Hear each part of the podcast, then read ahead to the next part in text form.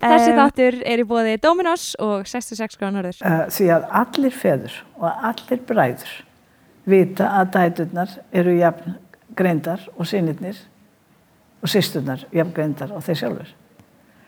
Og ef að uh, stúlkur heimsins fá jafnar mentun við strákana þá verður nú gott að lifa í þessum heimi.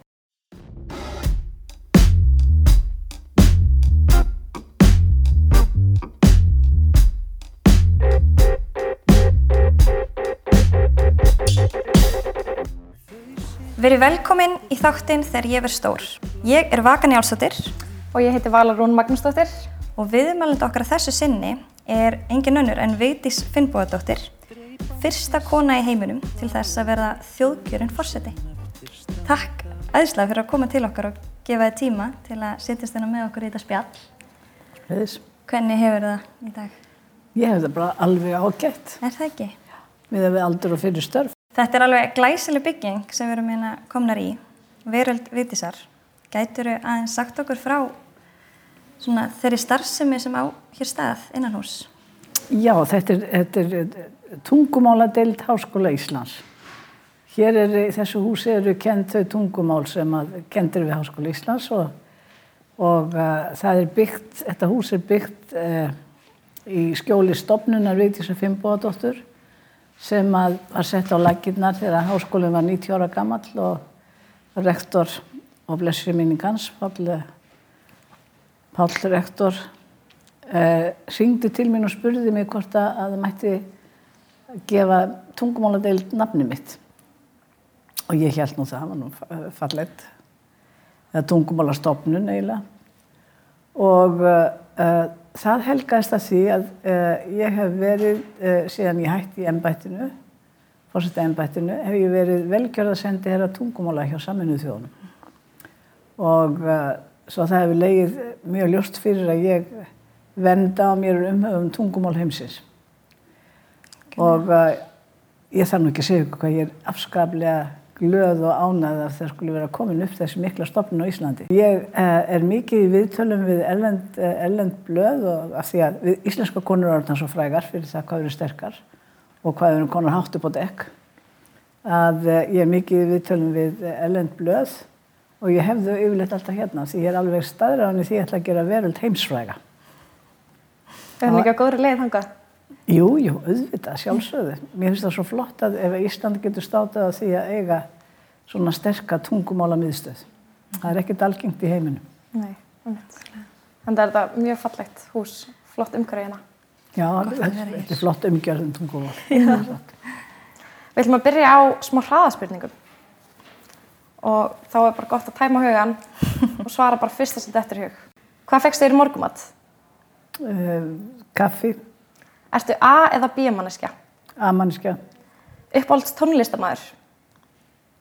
uh, Beethoven eða Mozart eða ég er í klassikinni. Já. Hvaða bók lestu síðast? Ég lesa svo margar, ég man ekki hver var síðust. Ef þú mættir vera einhver annar í einn dag, hver væri það? Engin. Hver myndir leika því bíómynd um þig? Ég þór ekki að segja það. Frægasti aðili sem þú er hitt? Ég, það er nú vandi, ég veit það svo marga. Þeir eru allir jafnfrægir, ég veit marga heimsfræða menn og konur. Ég ætla ekki að konur og menn, gleymið því ekki. það er. Það er alltaf verið að ruggla með það á Íslandi. Segja konur og menn, konur og menn. Ég hitt fjöldan allar af heimsfræðum körlum og konum. Hvaða leiksýningu sástu síðast? Ég sé það allar sem eru á, á fjölunum. En hver var síðust? Ég, Ríkardur þriði kannski. Já. Og uppáhald staður? Þingvellir. Þetta var vel svarað. Já, virkilega bara eitt, eitt af því besta sem við hefum fengið held ég. í Já. Er menn eitthvað að hika við þetta? Já, stundum. Það er alveg sumir sem að þurfa að byrja aftur og svona. En að máli máluna, eins og ég sagði þér, þá er þessi þáttur, hann heitir Þegar ég verð stór og kemur frá þeirri spurningu um það. Við erum alltaf að veltaði fyrir okkur hvað við viljum verða. Þegar þú lítið tilbaka, svona á þína fyrstu minningar, hvað vildir þú verða? Ég ætlaði að vera skipstjóri. Ég var aldrei í neinum vafa með það. Ég ætlaði að vera skipstjóri og siglum höfu heimsins og skoða heiminn. En þá var klappað á kollin á mér og sagði, nei, elskan, það getur ekki því þú ert stelpa. Já. Og þess vegna, og ég sagt þetta áður, sagt þetta fyrr, að ég skell alltaf upp úr í flugulum ef að flugstjórn er, er, er kvenkis. Ef ég heyri sagt í hátalunum þetta Sigriður Sigurðardóttir, flugstjórn talar, eru allir með beltið spennt, þá fer ég að hlæja. Já, Af því nú geta stelpunar, getum við stelpunar allt. heldur betur og höfum Allt alltaf getið. allt nema íta vörubílum og svoleiðis. Við erum ekki góðar í því. En við erum góðar á traktorum. Og líka góðar í að keira vörubíla. Hvaðan kom það, skipstjóri? Uh, ég er náttúrulega allast upp á, á, á kreppu árum og stríðsárum svo setna stríðsárunum og það var mikið talað, fóröldar mínu stútur bæði, bæði við námi elendis og það var mikið talað um, um uh, já, eh, námstöl þeirra og hvernig það væri í útlöndum og mér langaði svo að sjá þetta allt saman. Svo að það var það óskupu auðlust. Síðan las ég bækur og margar er að gerist í útlöndum. En hvar ólstu upp? Ég ólst upp í Reykjavík, í Vesturbænum. Hvernig var lífið í Vesturbænum á, á þeim Það var árum? mjög gaman, skemmtilegt líf, gott líf. Ég ólst upp, á, ég ólst upp í Ástríki og góðu heimili. Og heimili sem var mikið, eh, mikið umræða og mikið um að vera, mikið svona andleg umræða. Móður mín var uh, hjúgrunarfræðingur, formaður í félagi hjúgrunarfræðinga. Fæði mér var verskfræðingur og professor á háskólan.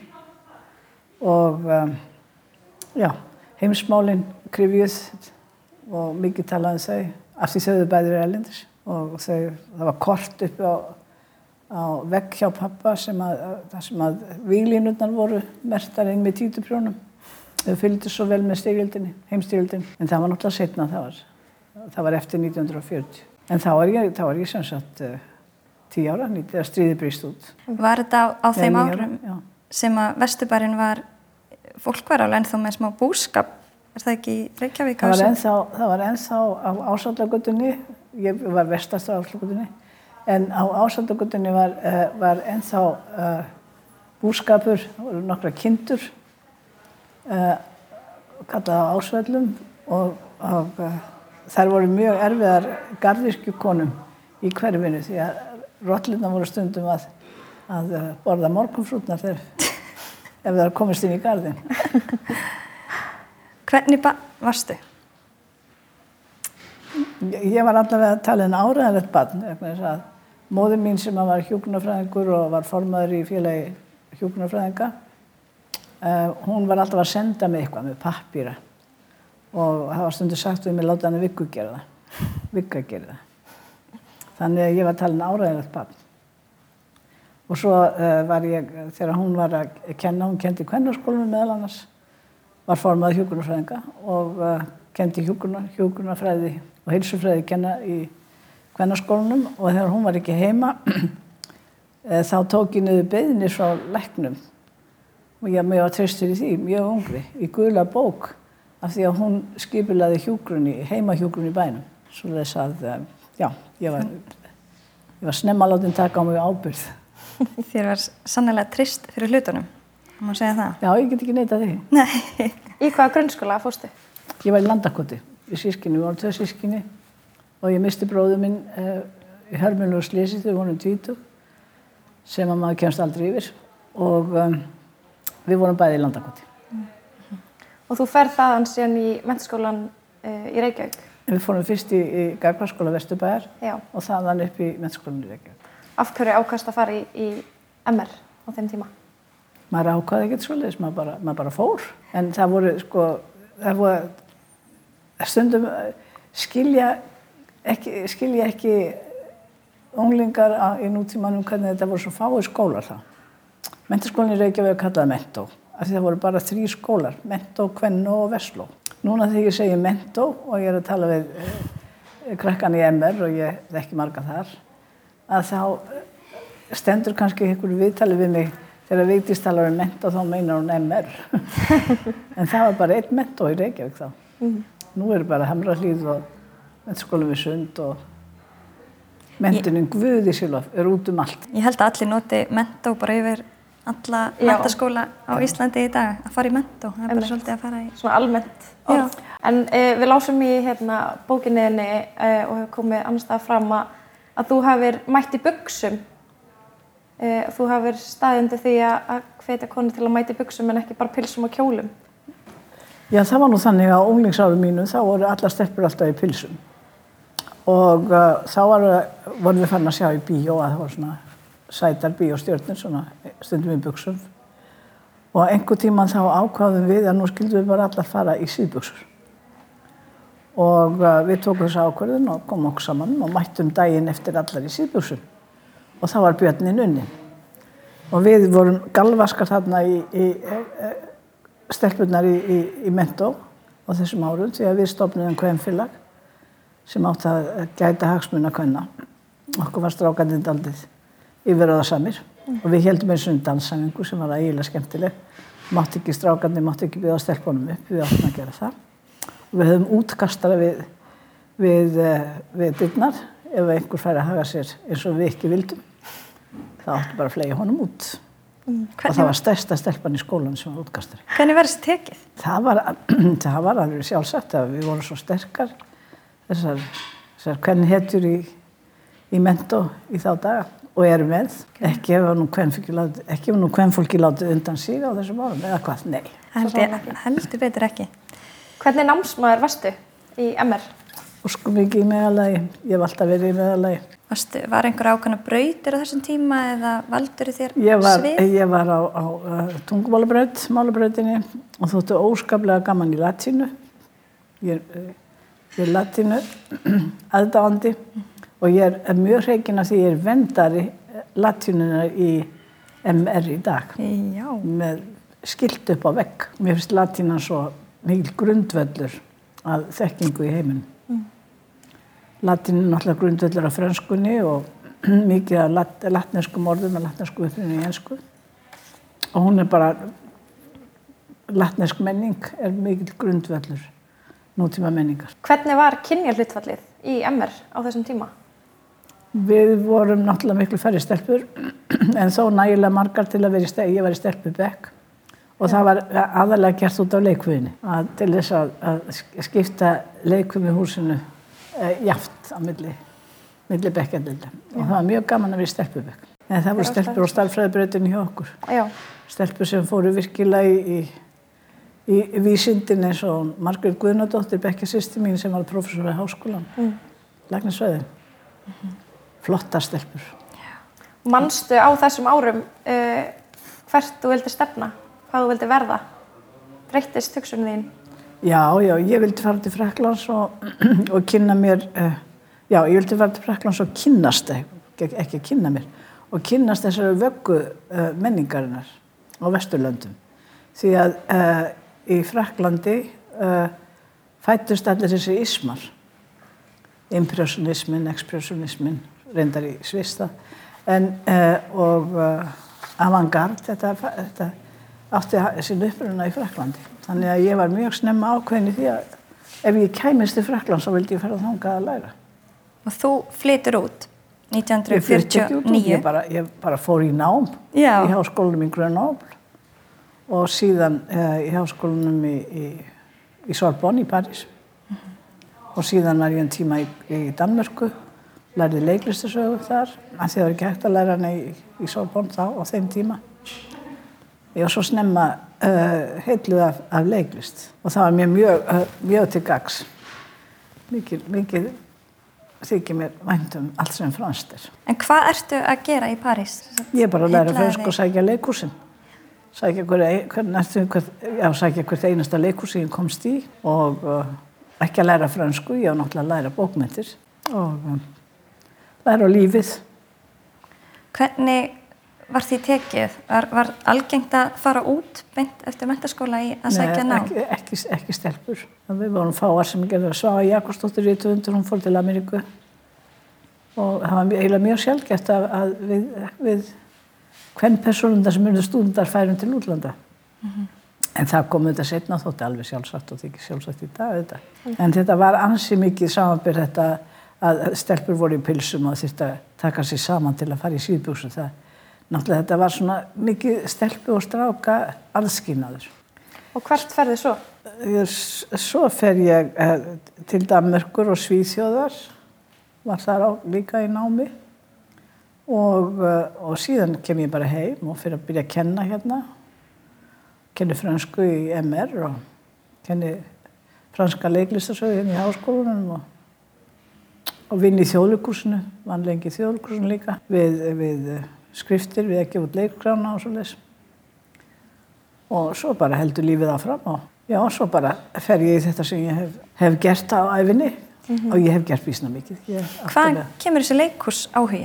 Frá því ég var, því ég var eh, bara barn og unglingur. Ég hef alltaf haft mikinn áhuga á leikúsi og bókmyndum. Alltaf haft mikinn áhuga á því hvernig uh, mannveran er tólkuð og hvað það er sem mannveran upplifir í öllu, öllu þeim blæbriðum sem að hendir mannveruna á lífsleðinni. Ég trúi því að ykkur finnst nú gaman að fara í bíó. Það er verið að tólka mannlífið í bíó alltaf og leikúsinu náttúrulega. Varst eitthvað að leika sjálf? Nei, en ég set á svið mjög mikið allt sem ég sé og hugsa og, og skilgreini personur mjög út frá, út frá skilningi mínum í gegnum leiklist og bókmyndir. En þú sem sagt uh, ferð í það hlutverk að verða leikhússtjóri leikfélags Reykjavíkur. Leikulega Reykjavíkur er núna í borgarleikusinu, það er borgarleikusinu, grundvöldin á borgarleikusinu. Og ég tók þátt í því, eh, mér til mikið er ánægja því að hugsa til þess, að eh, undirbúa byggingu borgarleikusins. Og skrifaði undir samningin við borgina, þegar borgin samþykti að reysa borgarleikus. Og ég man alltaf eftir því að þegar við fórum þennan samningi í, í höfða, auðvitað, því borgin hafði, hefur þann stað, að ég fór og týndi öll blómin sem að vaksa þarna, það var mýri þarna og heiði, það sem borgarleis verið núna, og ég fór og týndi öll vilt blóm sem að uksuðar, batt í vönd og sett hann á borði þessu fyrir fram á samningin. Vitandi það að þessi blóm myndi ekki vaksa undir borgarleikusinu, heldur í borgarleikusinu, blómandans og blómlistarinnar. Hvernig kennari varstu? Hvaða gildi hafðiru? Mér er sagt að ég Kennstu? hefði bara sæmilegu kennari. Annars er ég ekki dómbæri á það sjálf. fannst- Mér þetta afskaplega, það er eitthvað skemmtilegt sem ég hef gert, eiginlega það allra skemmtilegast það er að kenna. Og uh, þegar manni þykir það skemmtilegt, eða miskosti það í mínum huga, mér langar svo að allir, aðrir viti það sem ég veit. Og það er ánægja við að kenna, að koma áfram því sem ég hef sjálf lært og ég sjálf veit. Ég vonaði meðtæki það. Við gerum það. Svo varstu líka eitthvað í sjónvarpinu. Já, ég kendi frönsku í sjónvarpinu eitt vetur og það var ægilega gaman og þá sáu nefndinu mín, þá var ég að kenna í hamraliðinni þau sögðu krakkarnir mér sáum alltaf þau vorst að koma úr sjónvarpinu þú vorst að guli framann það var ég smingu svo mikið, það var ekki tími til að, að taka, ég var að hlaupa í kjensluna upp í, í hamralið það var ekki tími til að taka sér sminkið það var ekki nóg vel gert sáum alltaf þú vorst að guli þú vorst að koma úr sjónvarpinu og ég kendi í mörg ár eh, í Hamrallið líka frönsku og það var líka mjög gaman. Það er alltaf svo gaman að kenna. Það er svona ákveðin leiklist í því samt að vera að kenna frönsku í, í sjónvarpi. Já, já, og það er svo sorglegt að, að það vantaði eins og svo mikið spólur í sjónvarpið, sko maður getur ekki ímyndið sér hvað fátakt Íslendinga hefur verið ömuleg, að það það var ringt í mig og spurt hvort að ég mætti ekki þurrka út þessa þætti. Og þetta voru alveg óskaplega skemmtilegi þættir. Það horfði all landið á þetta og síndið tvísar og lögatum og svo aftur á þriðutaskvöldum. Og þegar ég kom út á land þá, þá eldu mig krakkar og sagði bonjour vidís, þau kunnu það sko. Og Gerard, það var fransku stráku með mig sem að sagði alltaf á, á perfekt fransku eða fullkomni fransku. Og þetta voru gríðarlega vinsæli þættir. Þeir eru ekki til í dag? Nei, þeir eru ekki til því miður. Já. Í dag væri þeir svo sakfræðilegir. það eru bara hlutur á sakfræðinni. Ef við förum til ásins 1975, hvenna frítagurinn, hvaða minningar koma upp? Já, mjög skemmtilega minningar frá þeim degi. Því að, að uh, hann var náttúrulega, allir voru, allir vissum þennan kvenna frídag. Þetta átti að vera upprunnilega svona heldur, heldur uh, uh, rólegt og ekki mikið að segja köllum frá þessu, en auðvitað vissu kallarnir allir um þetta. Þannig að þegar hann var frídagur, að því að það var beðum frí en ekki farið í verkvall. Og það ég undirstryka það mjög mikið þegar ég hef verið að tala um þetta á ellendur grundi, að tala um þetta í ellendur viðtölum. Frídagur er þetta af því að það er báðum, konur á Íslandi báðum fríið. Og kallar voru auðvitað búin að frétta að veri, þetta staðið til. Og þeir voru svo ljúfur og góður og sagði auðvitaðelskan, farðu bara niður til. Og hittu þínar vinkonur og farðu að syngja og hafið það gott. En svo verður þetta svona mikil bylgja og stórkoslega bylgja. Þetta var alveg stórkoslegt á, á, á, á Östur, á hérna, Lækjatorki. Og uh, ég var á skrifstunni minni í leikvöðinni, þetta var þegar ég var í leikursinu, og uh, það var barið að dýrum og, og uh, út, fyrir utan dýrnar á skrifstunni minni að standa leikonur og, og, og miðasalan og þeir sem að halda upp í leikursinu, kaffistofan og allir standa þarna fyrir þann stelpur, konur. Og þar segja megum við fara út á Lækjatorg á fundin og ég hef svona mjög leikræna leikræn hlýja svona en ég tek til máls og segi já þið verðið að ákveða það sjálfar segi ég og gerir flott hlýja á máli mínu og segi svo en ég er að fara. Og svo skundum við allar út uh, Lækjagötuna og út á torg frá, frá yðnu og út á torg. Mm. og stóðum þar og sungum með og einhver minnisverðasta stund sem ég hef upplifað lækjartorgi ennan dag kemur mér alltaf í huga sko að drottin var okkur hlýðhóttur, það var svo gott veður. Ekki skýrnáður á himni. Hann hefur staðið með ykkur? Já, ég held það Við förum þá bara í e, frambóðið Já. Manstu eftir því þegar þú varst fyrst kvött til að Já, fara fram? kostíman eftir hvenna frídaginn þá og til fórsetta frambóðs kom þarna 1980 þegar Kristján Eldjátt var búin að tilkynna hann alltaf ekki að gefa kost á sér aftur. Þá var uh, farið að tala um það að, að það væri ótækt að það væri ekki kona meðal frambóðunda og, og kallandi streymdu þarna í frambóð eða streymdi ekki en einhverju herramennir komu gáðu kost á sér. Og það var farið að ræða svo mikið um þetta. Við verðum að fá kvennmann, við verðum að hafa konu á frambóðslistan og, og það kemur bara lesendabref síðdegisblæði frá Laufeyjun okkur sem var, var uh, dásamlega kona, Jáksdóttir, Laufey Jáksdóttir og, það í þessu brefi stundir okkur í byggði ekki hann að veiti sér og ég veit eitthvað hvað hann þekkti mig en, en ég náttúrulega var uh, já, ég kannski ekki var ég var ekkert alveg algjörlega óábyrrandi en, en ekkert ábyrrandi svo. en eitthvað hún þekkt til mín hún, og það bara eins og var af stað að skriða það bara já, já nú byrjum við hana. Og það kemur þessi lifandi sóskup af beðnum og vænstóttu mér um, um það sem er hérna upp á vegg þegar sjómenninni sendur mér skeitið. Mm. því að sjómenn vita að konan er sterk í landi. Konan hún gerir allt þegar þeir eru í burtu. Hún er uh, náttúrulega mentamálar á þeirra hún er uppbyldisfræðingurinn hún sinnir fjármálunum hún gerir allt á meðan að kallanir eru í burtu og sjómenn uh, stóðu alveg einarði með mér á þessum tíma sjómenn og bændur og uh, síðan var mér ítt út í þetta og ég náttúrulega ætla ekki að gera þetta mér finnst þetta alveg ótækt en smátt og smátt þá bara íttist þetta svona endaði með því að já, já, ég skal það gera. Og þá voru, þá voru nánustu vinni mínu sem eittu mér út þetta að sagðu, glemdi því ekki að þú ert oddviti og við stöndum á bakviði. Og það þóttum mér svo fallit þegar þau sagði það. Síðan hóst þetta frambóð sem var afskaplega alþýlegt.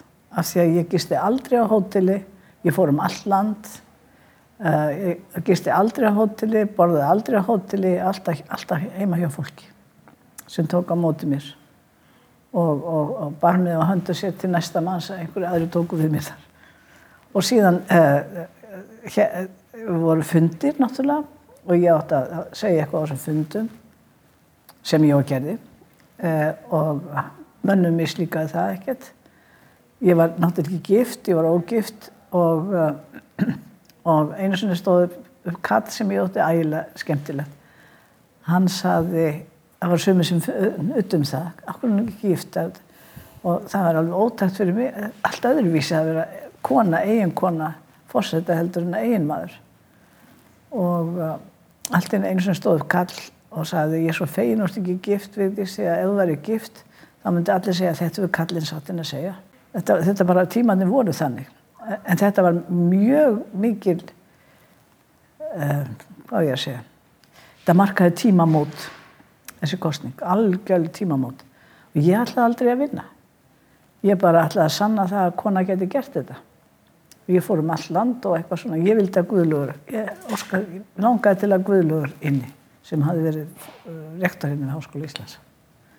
Vænisti maður, en verði mjög góða fórseti. Þannig að þú varst svona frekar óákveðin um að fara í frambóð og einhverju aðrir eru að, að hvetja þig áfram í frambóð. Já, ég myndi að tekja hug, ég hafði allt annað að gera. Heldur en að fara í frambóð. Og það að, að hérna, stiðja guðlög sýnir kannski líka svona að þú varst kannski ekki alveg að sjá þetta fyrir þér, eða hvað? Að vera fórseti. Nei, hver, sér þú alveg fyrir þér framtíðina? Nei. Nei, maður gerir það ekki. Maður gerir það ekki. Nei. Maður reynir að gera sitt besta í, á stundinni sem maður lifir. Frá stundu til stundar. E, á þessum tíma það voru e, tvær konur á alþingi. Hvernig fannst þér viðmótið sem þú fegst úr samfélaginu þegar þú ákveður að stiga fram í frambóð?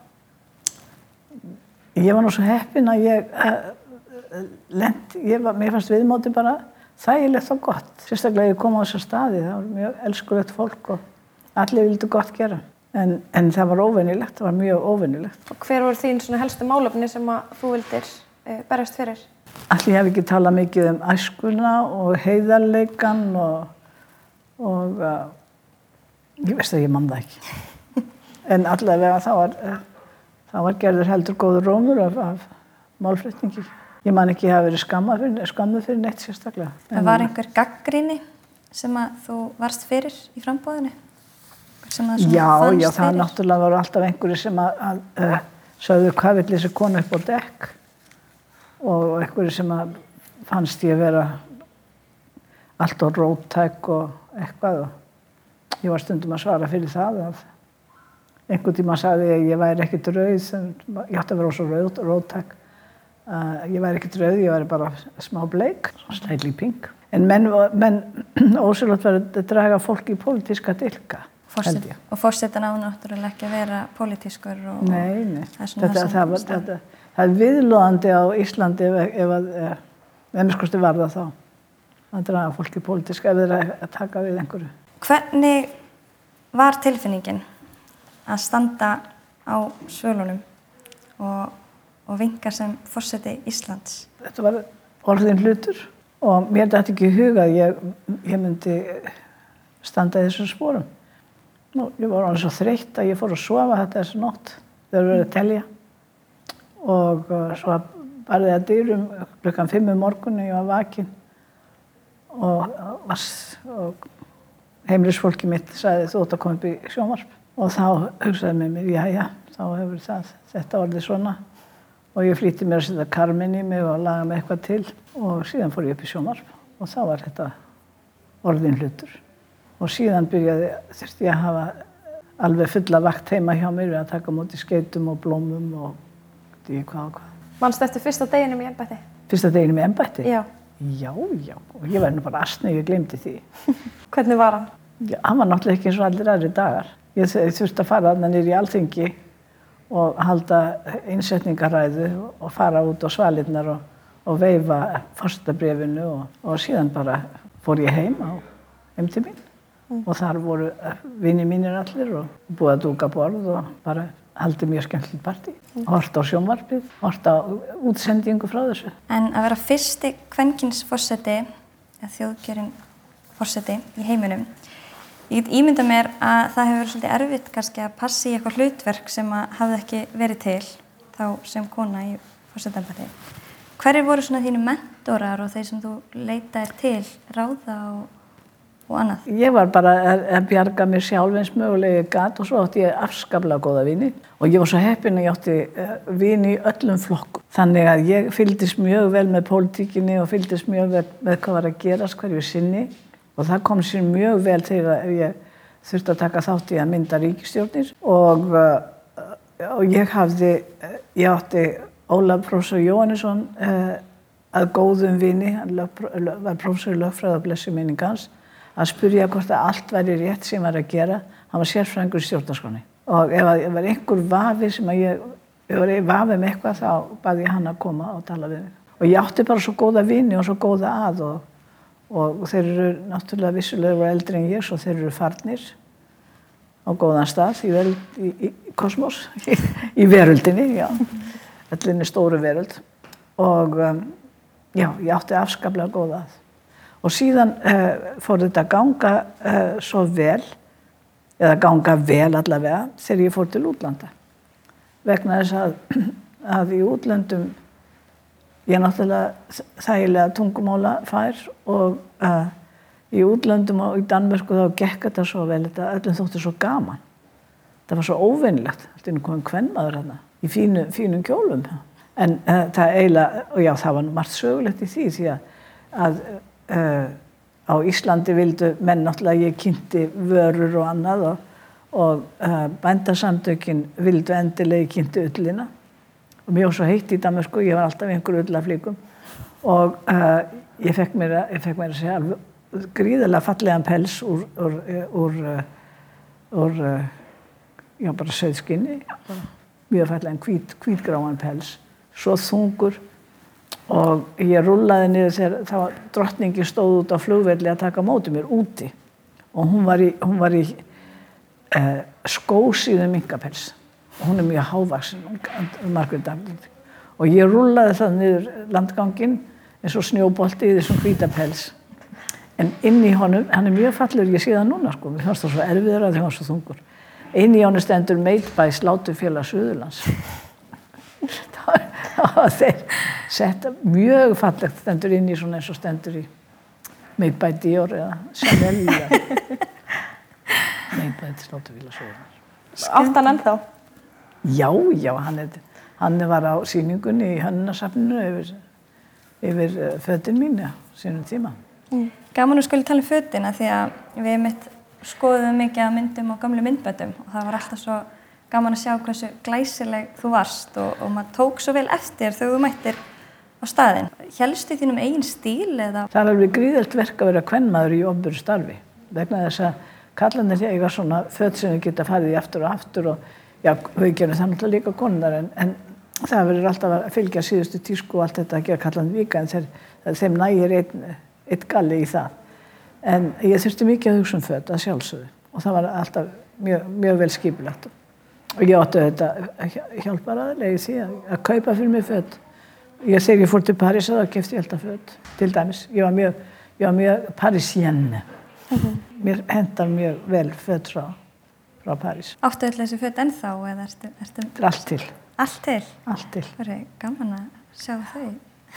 það var á síningunni. Já. Það var stór síning á þessum fötum. Svo átti ég hjálpar kokka hérna heima, hjálpar aðeila sem að voru, já, voru með mér í því að þau sá eitthvað sem að þetta hendaði mér þá, giftið því með sér. Hverja voru þínar aðal áherslur sem fórseti? Velferð, velferð fólksins. Ef óhaming gerðist Ég gleymi því aldrei þegar slísi var á flatir. Það er erfiðast sem ég farið, eða já, það sárasta sem ég farið í gegn. Merti mig fyrir lífstíð, eins og alla sem að því komu. En hvað myndur þú segja að hafa verið svona skemmtilegasta sem þú gerðir á fórstöldatíðinni? Ég geti sagt það, það var svo ólega marg skemmtilegt. Það er marg skemmtilegt. Hvað tilfinningu berði til bestastaða? Mér finnst það afskaplega yndalt á bestastöðum. Ég, það var í minni tíð sem bestastaði voru enduristir. Ég tók upp þessar stöðum heldur erfiðu ástandi að bæði lag og, og þittir glukkar og, og kvein mjög í mörgu. Þannig að ég fekk það í gegn að setja á laginna nefnd til að gera úttekt á bestarstöðum og bestastöður eins og eru núna hafa gert í minni tíð og þeir eru mjög fallir. Hér á þessum vegg hérna í Veröld Vitisar þá stendur leikhúsi, að leikhúsi var í góður undirbúningur fyrir fórsetæðanbætti. Mér finnst þetta svo ótrúlega skemmtileg hérna, setning og maður getur svona rétt ímyndið sér það. En hvað meinur þau eiginlega með því? Hvað finnst þér svona nýtast þér í fórsetæðanbættinu? Í leikhúsinu lærir þau að uh, skilja persónleika og þú lærir að hlusta á veruleikan, innri veruleika mannverunar og ef það er ekki góður undirbúningur undir fórstæðanbætti því að í fórstæðanbættinu verður maður að skilja fólk og uh, geta brugðist við því hvernig á að, að uh, tala við fólk og hvernig á að koma fram við fólk sem að, maður gerir reyndar alla daga og, og, en það er sérstaklega í fórstæðanbættinu náttúrulega var ég uh, þannig sett að fólk kom oft til mín að trúa mig fyrir ymsu og þá þá skildi ég svo vel hvað var á baki og hverjir innviðinu voru. Og ég held, þess vegna segi ég þetta, í, í leikursinu er maður að skilgreina mannveruna frá því að, að eh, æfingar byrja á mótnana, frá því að samlustur er á leikviti, æfingar byrja á mótnana og til að síningar fara fram. Í leikursinu lærur að skilgreina persónuleika. Þú, uh, að verið að, að, að fyrsta lega þegar höfundarnir, leikrita höfundar, þeir skri, skrifa leikritin um einhver sérstök atriði og venjulega er þess, þar í þessum atriðum kemur fram lýsing á persónleika. Þannig að þetta heitir svo á góðu máli uh, erlendis að analýsera, mm -hmm. að skilgreina personur og það er mjög sjaldan að ég hitti persónu eða persónleika sem kemur óvart. Mm -hmm. vegna þess að ég bæði úr bókmyndum og, og leikursinu þá hef ég svona er ég mjög vönn því að, að skilgreina persónleika og les, les persónleika út úr framkomi manna. Og til allar að mikið eru persónleika svo jákvæðir oftast og hérna inni til dæmis er mjög jákvæðt eh, andrúsloft jákvæðir persónleikar samankomnir og ég vona að ég sé eina þeim. Svolítið svipað eins og Irsa Sigurðardóttir sem kom í vittel til okkar.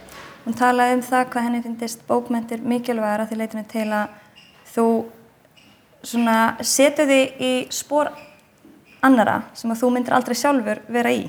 Bæðið með því að lesa um karaktera og personur og, og átta sig á öðrum. Já, þetta, það er akkurat þetta. Hún kemur þarna og setur fingurinn á þetta. Já, Já.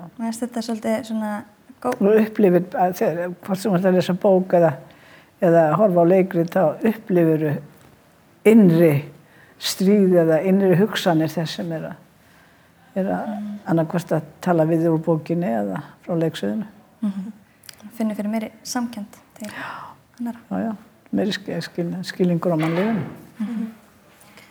Þú ert fórseti fram að 1996. Ég ætla að hætta því að Ég ætlaði að hætti eftir 12 ár eins og Kristján Leitjáf og þá var eitt svo mikið á mig vætti endileg ekki hætta eftir að nýta ímsa núta og þá veit ég, ég, ég sé ekki eftir því, ég hjálpaði japanskum konum, fór, þeir býði eftir mig í Japan og ég fór til Japan og hjálpaði japanskum konum að stopna samtök og, og hjálpaði mig upp á dekk bara, hreinlega.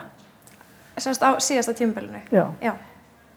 Og hvað tók svo við eftir? Já, þá, þá vildi ég uh, losna við, hvað ég að segja, losna við að vera uh, í aðalhutverki. Svo ég vildi bara fara burt og við gerðum það við nægurnar. Við fórum til uh, Damerkur, ákvaðum að fara þangað að því mér langaðast um nástuðu dóttur mín væri vel að sér í Norðurlandamálum. Ég saknaði svo Íslandi að Íslandikar eru hættir að, að, að sinna Norðurlandamálum að mér finnst einhvern veginn að, að við þurfum ekki að tala, íslensk, tala ennsku við Norðurland. Við höfum að kunna næla mikið dansku eða sænsku eða norsku til þess að geta bjargað okkur á Norðurlandum. Við erum alltaf svolítið svona utangátt að fyrst mér þegar það farir að tala við mér á ennsku. Ég var mjög hyss á því ég fekk, fekk jólakort frá norrænu fólki, norrænu maðurlega sem skuða mér á ennsku. Vissi það ekki að ég er, er ég er nokkuð sjóið í Norðlandamál og það fannst mér vera, mér finnst það miður.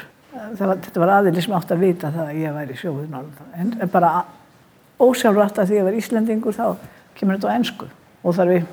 Og hvað ertu lengi úti í Danmörku? Ég var nokkur ár í Danmörku, ég var, við hefum ekki verið svona tíu ár og svo leiðis. Og hvað tóði þið heim? Uh, Allir hef ekki bara búin að fá nóg. Nei, það sem dróð mig heim er það að, að, að ástriðið mín, hún, hún, hún egnaðis mann og egnaðis börn og, og þá var komin tími til að hún færi heim. Þá var hún búin að læra dansku þegar vel að hún tala dansku svo dani, uh -huh. alveg, og skilur upp nálandamáli. Yeah. Svo það fikk ég út úr því og góðan tengdarsson, þau kynntust í Danmark. En það er nóg að gera hjá þér? Þótt að þrátt að... Já, ég get ekki hvart að það. Nei. það er aldrei döð stund, get ég ímynda mér. Nei, og til aðra hafmyggju. Já, til aðra hafmyggju. Ég er ekki heldur... vandrið með hvað ég á að gera við tíman. þú heldur mikið af ræðum og mætir á, á hérna, fyrirlestra og alls konar. Já, já. Ræðuhöld og þannig. Hvernig undirbyrðu þig fyrir ræðuhöld og, og hvað er svona líkillana því að að koma fram og, og tala til fólksins? Það er fyrsta lagi að, að þykja vænt um fólk og vita að maður, með, að maður er með eitthvað sem maður langar til að segja og að fólk meðtæki sem einhverja, einhverja, einhvern innblástur fyrir fólkið. Annars er ég engin sérstökur eða kona. Ég, ég, ég fer alltaf í snára stöllusson fyrir ettun ef mér vantar eitthvað. Ettan var mér drjú í útlöndum. Mm. Ég er alveg samfærð um það að ég hef aldrei verið gerð að, að velgerða sendir tungumáluna hjá saminu þjóðanum ef, ef ég ekki hefði farið svona mikið með ettuna. Þeir sögður enda við mig þannig nýri í París, þeir sögðu, þegar ég spurði akkur er ég, akkur er það að velja mig í tungumálun. Og þá saði, saði uh, uh, fórstjóri UNESCO, sá mæti maður skáldið, spánska skáldið, Federico Majora, hann saði það er að því að þér uh, notið alltaf þar eigin tungumál og arfin úr eða tungumál í allir ræðu sem þið haldið. Og þá hugsaði mér, já, já, snorri, þetta var ettan, þetta var óðinn og þór og, og allt það og völusbá og háamál, háamál, þau eru drjú, nota sín eigin arf, eigin bókmyndararf. Og fyrir hvað málefnum finnst þú vera að berjast fyrir uh, eftir ennbætti eða svona leggja áslá? Ég náttúrulega hef alltaf verið í umhverfismálunum og mjög, uh, mér er mjög uh, andum uh, land og þjóð eins og það stendur. En mér er andum þess að þjóðu þetta en ekki síður um landið. Og þess vegna var mjög hérna, eiginlega snjált hjá mér þegar mér datt það í huga að fara að gróðu sétti með krökkum. Það var þannig að, að ég satt söður á Bessastöðum og var að fara út á land og var að, átt að fara að heimsækja síslur og ég vissi það að verði verið að prjóna á eitthvað, eitthvað, eitthvað fínt og, eða, eða búa til leirkjær eða eitthvað sem átt að gefa mér. Sísluðan fór að gefa mér eitthvað. Það fara með gjöf og síslu. Og uh, svo ég hugsa með hvað, og ég er alveg þannig upp að ég sér gjöf til gelda, að ég hugsa með hvað get ég komið og gefið sem að er minnisvert. Og þetta með þetta snjallarið í hug.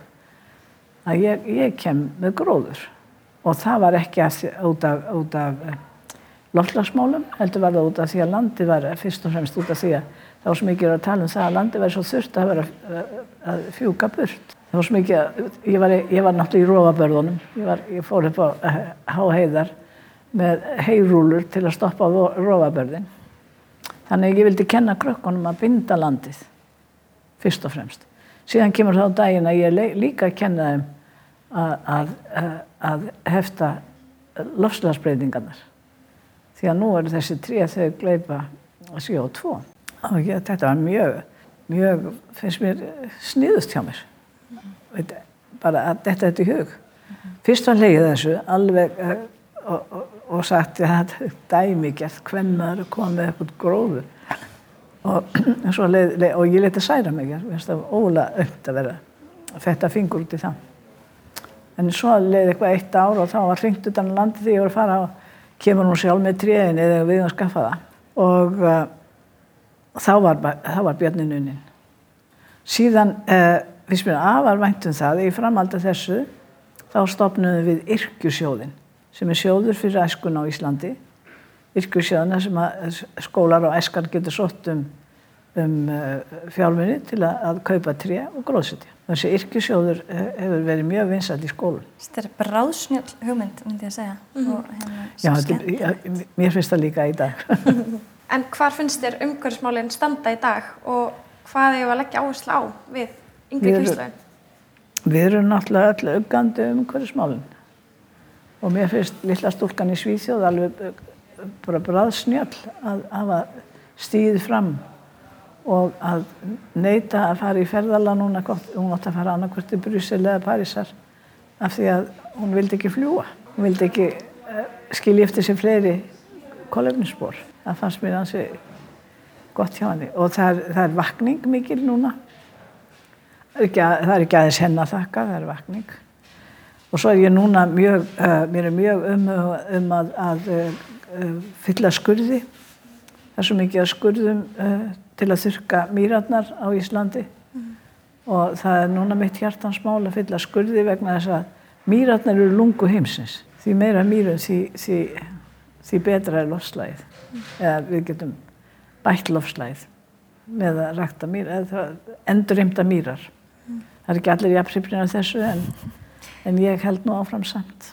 Mýrar eru alveg óskaplega fallegt landslag. Það er ekki allir sem hafa verið ánað með það í gegnum tíðina á Íslandi að gúmistíflum voru fundinu upp. Hugsaðu ykkur forfeður okkar hvað hefur blöytir í fætuna og kaldir. En ef við tölum aðeins um svona kvennréttinda báratu og stöðu kvenna í dag, verið til dæmis uh, lækkum prósentu kvenna á alþingi uh, síðan 2007 og það er 38,1% kvenna á alþingi. Hvar serðu kvennréttinda stöðuna í dag og hvað getur við gert til þess að, að leysa þetta? Spurningin ber það í sér að þér finnst hvernig þetta staðan ómúleg. Við erum náttúrulega komin ótrúlega ég já. En, en við erum samt ekki ennþá, ennþá komin á sama stað og við viljum vera. Það er ennþá eitthvað framöndan. Nei, við erum ekki alveg komin á þennan 50% stað. Einmitt. En við, við, við náum því fyrir það síðar að, að sjálfsögðu vegna þess að og hér á ég mjög góða setningu sem ég nota uh, eða notaði aftur gamla dag og nota ennþá. Uh, ég var svo mikið beðin um það að, að, að tala til þriðja, þeir eru svo nefnda þriðja heims. Það sem að konan er svo vannmitinn.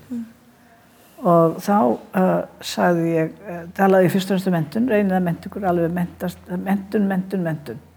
Það er jafnréttisbaráttan fælst í mentun, að eignast sömu mentun og, og, og, og strákanir, konur, stelpunar. Og uh, því að allir feður og allir bræður vita að dæturnar eru jafn greindar og sinirnir og sýsturnar jafn greindar og þeir sjálfur. Og ef að uh, stúlkur heimsins fá jafnar mentun við strákana, þá verður nú gott að lifa í þessum heimi. Fyrst er náttúrulega að læra að lesa. Eh, Að læra að lesa er líkillinn að öllu. Og síðan að sérhafa sig í einhverju. Eða kennari, eða hjúkunarfræðingur, eða hvað sem er, verkfræðingur til dæmis. Stelpur eru mjög góður í verkfræði. Hvað sem er, læknar, lögfræðingar, prestar, hvað sem er. Sömu mentun og strákanir í landinu. Því að eh, jafnræðið er algjört, heila selutnar eru jafn góðar. Það er bara líka minn sem er svolítið öðruvísi. Hvað finnst þér skemmtilegast að gera í dag? Bara það sem er að gerast í öfnublikinu. Vegna þess að uh, ég hef tekið þá, ég er með þá lífsafstöðu að ég fer yfirleitt ekki það sem ég leiðist. Gæti mín á því.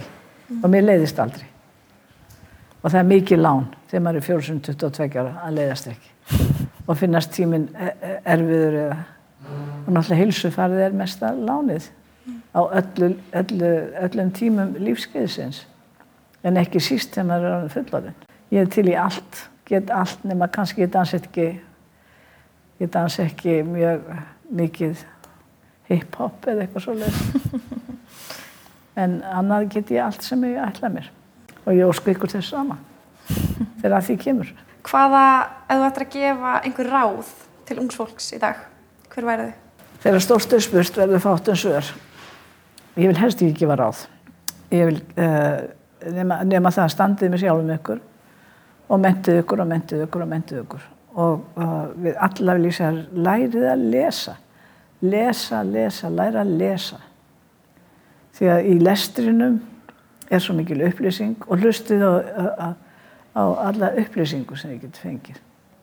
Að gæta að lífsgæðunum og við erum afskaplega lánsum að búa í þjóðfélagi sem er uh, fríðsælt. Það sem er, uh, er ófriður og stríð það er alveg skelvileg tilvera. Og við erum líka mjög lánsum að búa í landi þar sem að mentun er ókipis. Hvað er það besta sem ykkur hefur gefið á lífsleginni? Ég ótt spurt að þessu. Og þá segja kannski yngri krakkar hjóli mitt eða, eða já þegar ég fekk þetta fína, fína uh, hvað getur maður sagt, námskeið eitthvað. Nei, það besta sem ykkur er gefið í lífinu þarf að læra að lesa. Ykkur er aðfenda á silfubakka í okkar samfélagi, læra að lesa. Það er ætlast til þess að öll en þeir eru orðnir tíu ára að séu læsir og þess vegna á rækta það. Það er líkillin að öllu að læra að lesa. Mér langar mikið að vita, hva, hver er svona þín helsta fyrirmynd? Veistu, ég vissi ekki af til að þessu orði fyrirmynd Nú, fyrir en ég fór að heyra það núna síðari árum. alveg. var aldrei talað um fyrirmyndir í mínu. Akkur þarf maður að vera eins og einhver annar. Ég held að það sé ekkit endilega, endilega þess að hugmyndin. Ég held að það sé líka bara kannski að horfa til einhver sem að hefur gert það gott og, og, og sjá aldrei. það í fara einhvers annars og taka það inn. En hvað heldur þú? Nei, ég, ég hef bara aldrei hugsað út í það. Nei. Ég hef aldrei reynt að vera eins og neitt annar. Það er mjög fyndið að því að þau viðtal sem við höfum tekið og spurt um hver er þín helsta fyrirmynd, þá ert þú mjög oft Já, nefndan já, ég veit það, ég veit það. Að, að, sko, það er þetta sem ég segi að ég hef gef, gefið, það það besta sem ég hef, eða það mikilvægt sem ég hef upplifað í lífinu er þetta að ég hef gefið ungu stúlkum til trú að sjálfa sig. Þess vegna er eðlilegt að ég sé fyrirmynd, hún getur það, af því hún getur það, þá get ég það. Það, það er það sem er líkillinn. En ég man aldrei eftir að ég vera spekulur í einhverjum, ef hún getur það, þá get ég það. Ég bara gerði það sem að, að minn hugur stóð til og, og, og reyndi að gera það vel. En að ég hefði einhverja fyrirmynd, ég bara man ekki eftir nema mamma mín. Móði mín var mjög sterk kona og ég vildi að hún, hún væri ánað með mig. Kannski er hún mín aðal fyrirmynd. Það er líka mjög algengt. Var galvesk og sterk kona. Formaður í hjókunafræðingafélaginu og, og fór sína leiðir og hafði sína skoðanir. Já, svo hef ég þetta mikla metnaðarmál að gæta frelsinu. Gæta frelsinu, frelsi lands og þjóðar, frelsi lands og líðs, eins og að hétt hjá ungmennafélagin í gamla dag. En frelsið er mjög mikilvægt í lífi hvers og eins. Egin frelsi, að gera það sem að hugur mann stendur til og líka frelsi samfélagsins, frelsi okkar eh, nánustu og þeir sem okkur ekki væntum. Hjálpa þeim í frelsinu. Frelsi frá því sem er erfitt og vond eins og eins og við vitum er svo víða í þjóðfélaginu. Og uh, það þarf stundur svolítið heimsbyggilega hugsun í kringum frelsið. Ef að venni líður mjög illa, þá þurfum að hugsa svolítið heimsbyggilega um hvað er, hvað er dýrmætast fyrir mig núna í lífinu. Það frelsið til að þykja vænt um einhvern og sinna því finnst mér. Er það ekki?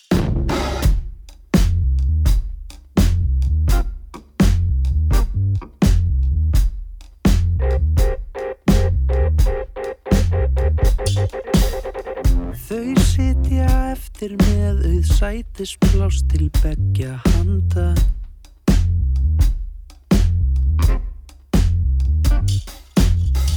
Dreipandi sitt á hvað á drikkjunum sem eftir standa. Alveg sjálfsagt, ekki að minnast á, láttu vaða leistu skjóðu frá ég segi engum svo krifjast hjartans mál og einhvers andadýr er panda.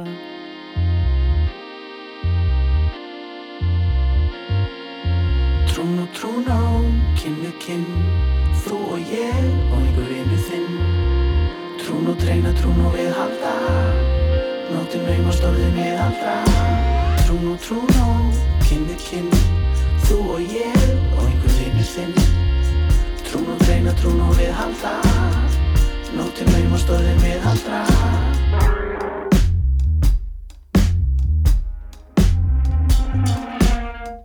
Og við svo krumpuð bæð og breytt því það er langt um liðið.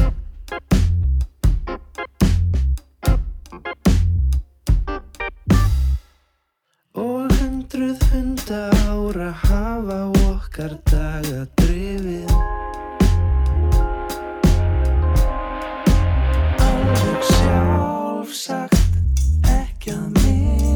minnast á Láttu vaða, leistu skjóðu frá. Ég segi engum Trún og trún á, kinn við kinn Þú og ég og einhver einu þinn Trún og reyna, trún og viðhalda Nóttin naumast orðin viðhaldra Trún og trún á, kinn við kinn Þú og ég og einhver einu þinn Trún og reyna, trún og orðin viðhaldra Hann.